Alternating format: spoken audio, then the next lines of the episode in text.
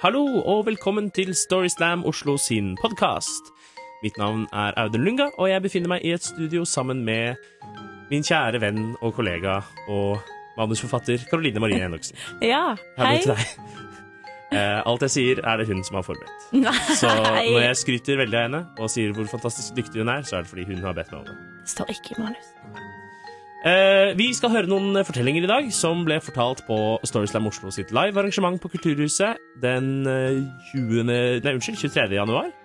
Eh, og den første fortellingen vi skal høre, den handler om at det er viktig å gripe sjansene når de kommer. Man vet aldri når man blir oppdaget. Nei, det er riktig. Og første forteller heter Tor André Moritzgard. Han eh, forteller oss om en eh, sterk kulturell opplevelse han hadde på ungdomsskolen.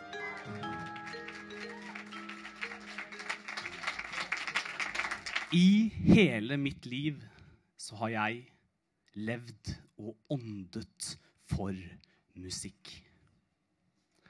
Ja, det er når jeg har en trommestikke i hver hånd at jeg er et menneske fullt og helt. Det er når jeg kan kjenne eller kan føle vibrasjonene av musikken som treffer elementene. Ja, da er jeg mer enn bare kjøtt og blod og bein og hår og sener og muskler.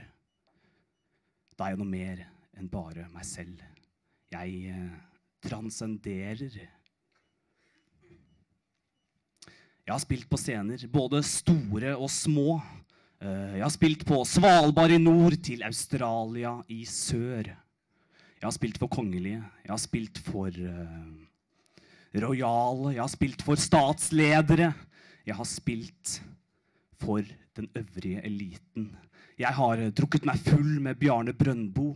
Jeg har eh, spilt jazz, jeg har spilt i korps, jeg har eh, spilt uh, rock. Jeg har spilt ska, jeg har spilt reggae, jeg har spilt folkemusikk. Men det jeg nå skal fortelle om, det er mitt møte med en helt annen sjanger.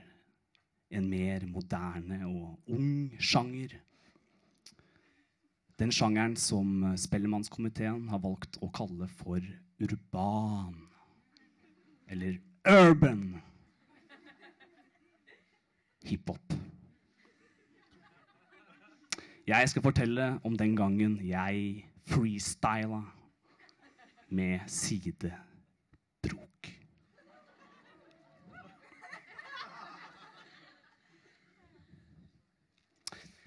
Da jeg gikk på ungdomsskolen, så skulle vi få et storfint besøk. De mørke gardinene i gymsalen de blei trekket for, trukket for, og eh, gymnastikk eh, Gymnastikk eh, Hva heter de? Gymnastikkbordene, eller de som man går på, i hvert fall. De som man setter ut for at man skal sitte et sted, og gymmattene ble lina ut i gymsalen. Og ribbeveggen, den ble vippet ned sånn at den på magisk vis ble omgjort til en konsertscene av rang. Og på denne konsertscenen så skulle Sidebrok stå med Torsteinhyl og skateboard, ja, i front. Sidebrok skulle spille. Ja, jeg hørte jo at det var én som reagerte på det. Det hadde kanskje ikke vært så stort hvis jeg gikk på ungdomsskole i f.eks. Oslo, som vi er nå, eller hvilket som helst annet sted i landet. Men jeg gikk grunnskolen i Romsdalen, og Sidebrok, som kommer fra Ørsta Hei! Som kommer fra Ørsta på Sunnmøre, eh, naboregion til Romsdalen. Altså, på det tidspunktet her hadde Sidebrok akkurat gitt ut plata med singelen 1, 2, 3 og 4. Som dundra gjennom veggene i hvert eneste friminutt på ungdomsskolen. Hele ungdomsskolen var samlet i gymsalen. Og du kunne kjenne hvordan de spente vibrasjonene sprang fram og tilbake mellom de svette gymveggene. Først var det helt stille. Men så kunne du høre noe, som en slags eh, murring eller en hviskende pistring bakerst i rommet. Sidebrok, sidebrok. Og det tok seg opp til en slags unison chant. Sidebrok, sidebrok, sidebrok, sidebrok, side... Det ble høyere og høyere, helt til Sidebrok trakk for forhenget som var satt opp foran ballrommet, entra gymsalen og steg opp på scenen helt til salen brøyt ut i total, total eksistensiell entusiasme. Er det noe liv her? Vræler Torstein Hyl, og publikum i salen, de svarer Det starter en tung bit.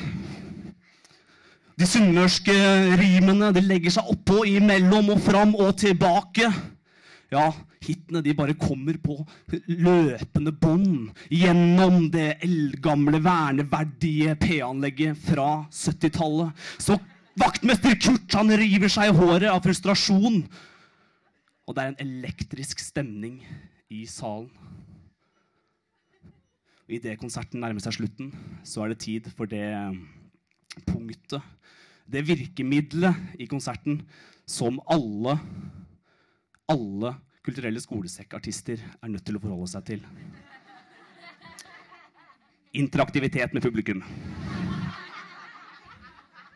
Torstein Hyl tar opp, telefon, nei, opp mikrofonen og sier Er det noen som har lyst til å freestyle med sidebrok?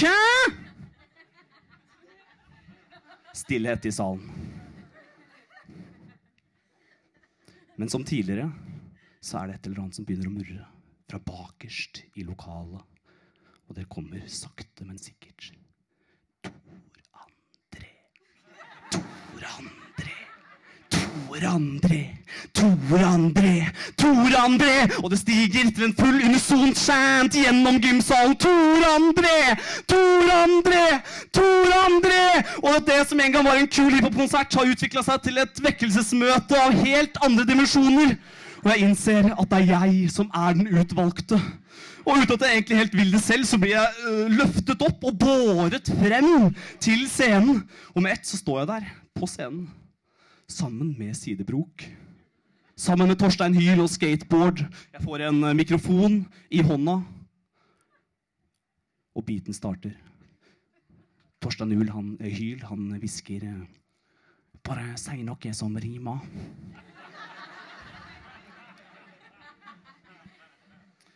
Jeg sier det første ordet som slår ned i hodet mitt. Jeg sier det høyt. Kake!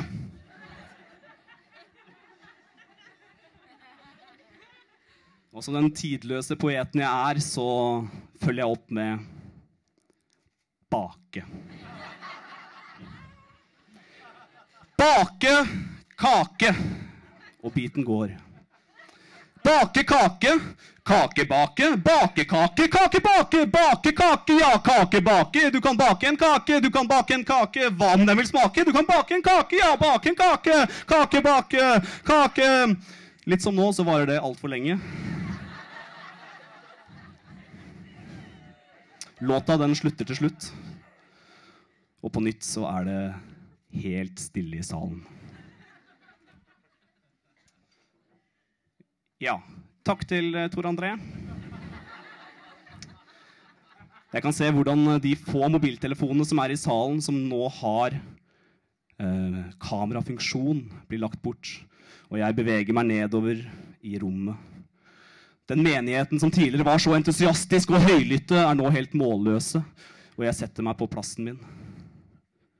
Siderok spiller en låt til. Eh, rektor kommer opp, proklamerer at ja, jo, takk for konserten, og proklamerer at alle må gå tilbake til sine timer for å ha skolefag. Men jeg husker ikke hva jeg hadde den timen.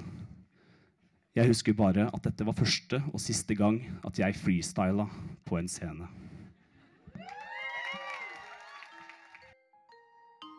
Og for de som er interessert, så kan vi også informere om at eh, den nye singelen eh, Kake bak kake eh, nå er tilgjengelig på Spotify og Soundcloud og alle Ja. andre musikkstrømmende tjenester. Helt klart. Neste forteller i denne episoden heter Vintang Emilie Sitrangang, Og hun forteller oss om sin karriere som cheerleader. Noen mennesker sier at de er best når det virkelig gjelder. Jeg tror jeg er best når det ikke er så farlig. Og i hvert fall når det kommer til sport. Jeg spilte fotball på barneskolen, men det ble en kort karriere når jeg klarte å brekke tåa på en kamp og så det som en gyllen mulighet til å komme meg unna. For helt ærlig så hadde jeg jo aldri vært særlig god. Og før hver kamp, viktig eller uviktig, så holder jeg på å pisse på meg av nervøsitet. Da jeg skulle begynne på videregående, så måtte jeg flytte til Ålesund. Og Ålesund det ligger to timer unna Isfjorden, hvor jeg da hittil hadde bodd hele mitt liv. Hele to timer. Dere vet kanskje hvordan det er når du er ny en plass. Du må finne folk å bli kjent med. Så jeg tenkte de var nødt til å ja, bli kjent med folk og finne med en gjeng. Så jeg fikk høre om et uh, cheerleading-lag som skulle starte på skolen. Så tenkte jeg at ja, ja, det kan jeg prøve meg på. Og Laget var som sagt helt nyoppstarta, og de øvde én gang i uka i gymsalen på skolen. Og for de av dere som ikke har sett en av de fem Bring It On-filmene, eller egentlig hvem som helst high school movie da, og ikke helt vet hva cheerleading er, så kan jeg jo forklare. Cheerleading det er en sport som kan minne litt om turn. og Det er forskjellige lag som konkurrerer mot hverandre om å ha den beste rutina, det beste showet. Og En sånn rutine det skal da inneholde heiarop og dans og turn og stunt og hopp og pyramider. Det er ofte en tenker på da med liksom folk som blir kasta opp og sånn. Ja. Så vi på laget vi øvde og vi øvde, og vi gjorde flikkflakk og tikk-takk og stupte kråker, sto på hendene, og vi var ute i spagaten. Og så var det tid for å dele ut posisjoner. Hvem skulle stå nederst og løfte? Hvem skulle støtte, og hvem skulle stå på toppen? Og jeg, jeg blei flyer. Takk. Takk. Flyer det er da kremen av kremen. Det er den som står på toppen av pyramiden, som blir løfta og kasta, og som får all oppmerksomheten. Black, purple, teal, we are made of steel. Hurricanes, let's go! Hurricanes, let's go! Hurricanes, let's go! Takk, takk, takk. Hurricanes ble altså navnet. Og jeg hadde funnet en sport som jeg var god på, og som jeg passa inn i. Jeg var jo liten og lett og kunne lett bli kasta opp og løfta. Og når jeg sto på toppen av pyramiden, da følte jeg meg uovervinnelig. Jeg hadde aldri vært sterkere. Jeg passa inn. Og høsten gikk, og vi øvde og øvde, og etter hvert kom nyheten om at vi skulle være med i NM i cheerleading i mars. Så da måtte vi øve mer. Vi øvde to ganger i uka istedenfor én. Og vi sto på. Ja. Tida gikk, og det nærma seg jul og juleferie, og alle gledde seg jo til det, men ikke i. Jeg visste at juleferie det betydde familietur til Indonesia for å besøke slekt og familie. Og vi skulle være borte i to måneder. Ja, det her var jo flere år før 10 %-grensa og fraværsregelen og alt det der, så ti måneder skulle vi altså være borte. Og Det passa veldig dårlig nå som jeg endelig hadde funnet cheerleading. Men det turen var bestemt flere år i forveien, så vi dro. Laget fortsatte å øve hjemme i Norge. Jeg prøvde å øve litt i Indonesia på rop og sånn, men det var ikke så lett. Men endelig, etter to måneder, så kom jeg igjen på øving. Og det føltes fantastisk å rope 'Hurricanes' sammen med mine medcheerleadere. Og igjen ble jeg løfta opp på pyramiden, og jeg sto på toppen i mitt rette element. Men eh, det var ikke alle som så det sånn. Eh, trenerne de så at de hang litt etter. De andre hadde blitt bedre, og etter to måneder så syntes de at noen andre burde få prøve seg. Så jeg blei reserveflyer. Ja. Men jeg var en god reserve. Jeg møtte opp på alle øvinger. Jeg satt på sidelinja og prøvde å være med på ropene og hoppene. Og så, dagen før vi skulle reise ned til NM, så møttes vi i gymsalen for en siste sånn peptalk og øving. Og rett før vi skulle begynne, så kom det inn ei fra laget med ei brekt hånd. Hun kunne ikke løfte eller kaste, hun kunne ikke være med til NM. Så da måtte reserven steppe inn. Og det var ikke noe problem. Jeg hadde jo vært med på alle øvinger. Og jeg hadde jo vært den beste flyeren i hele Ålesund. Den, den beste flyeren i hele Norge, om du vil. Så Hurricanes de kom seg ned til NM, og vi var første lag ut på matta. Hurricanes, welcome! Vi ble ropt opp og sprang ut på den store blå matta. Og rundt omkring satt det tusenvis av publikum. Og helt på enden så satt det dommere bak et bord. Musikken vår ble slått på, og vi begynte. Vi begynte rutiner og dansa og ropte, og det gikk skikkelig bra. Vi var rutinert, vi var energisk synkronisert. Og det var tid for hovednummeret. En fire etasjes pyramide. De nederste stilte seg opp. Og så et lag til oppå der, et lag til oppå der, og så skulle jeg på toppen. Jeg ble løfta opp og klatra meg opp til jeg igjen sto på toppen. Jeg var stø i beina og smilte og blunka til dommerne. Det gir ekstrapoeng.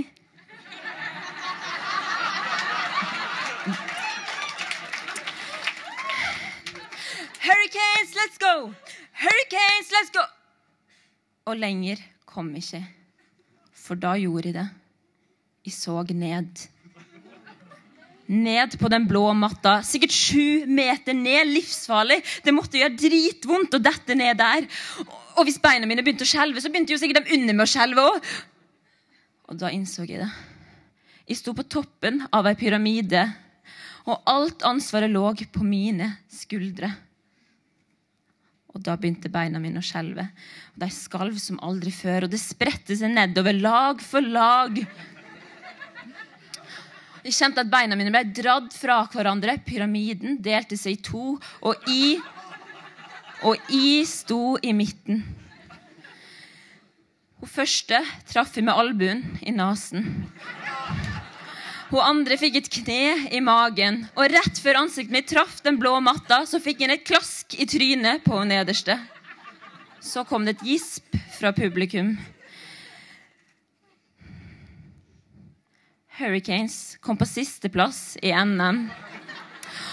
Og det var min første og siste opptreden i cheerleading. Noen mennesker sier at de er best når det virkelig gjelder. Og jeg tror nok jeg er best som reserve. Men til og med det å dette rett ned sju meter går det an å reise seg fra.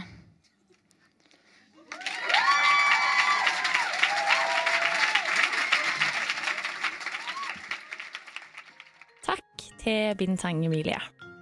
Hvordan er det med deg, Audun? Er du best når det virkelig gjelder? Ja, ehm, nå, nå føler jeg at det virkelig gjelder å komme med et godt svar, men eh, jeg, har noe, jeg har ikke noe å si til det. Nei. Eh, ja. Du er jo alltid best, du, Karoline. Oi sann. Selv når det ikke gjelder i det hele tatt. Spesielt, da. Mm. Ja. Neste Storyslam det blir på Kulturhuset mandag 20. mars klokken åtte. Eh, Og hvis du er en av de som tenker at jeg òg har en historie jeg har lyst til å fortelle på Storyslam, så kan du det. Eh, Da kan du enten finne oss på Facebook, eh, på Storyslam Oslo sin side der, eller du kan sende oss en e-post på storyslamoslo.gmail.com. Og når du først er i gang med å være, være online, så kan du jo følge oss på Facebook og følge oss på Instagram. Hvis du finner oss på Twitter, så er det en falsk profil, men du kan følge den likevel. Ja. Eh, det samme med Snapchat og alle andre ting som vi ikke er på. Eh, Tumblr sånn. For eksempel. Ja. Eh, så, men følg oss der vi er, og så høres vi. Ha det!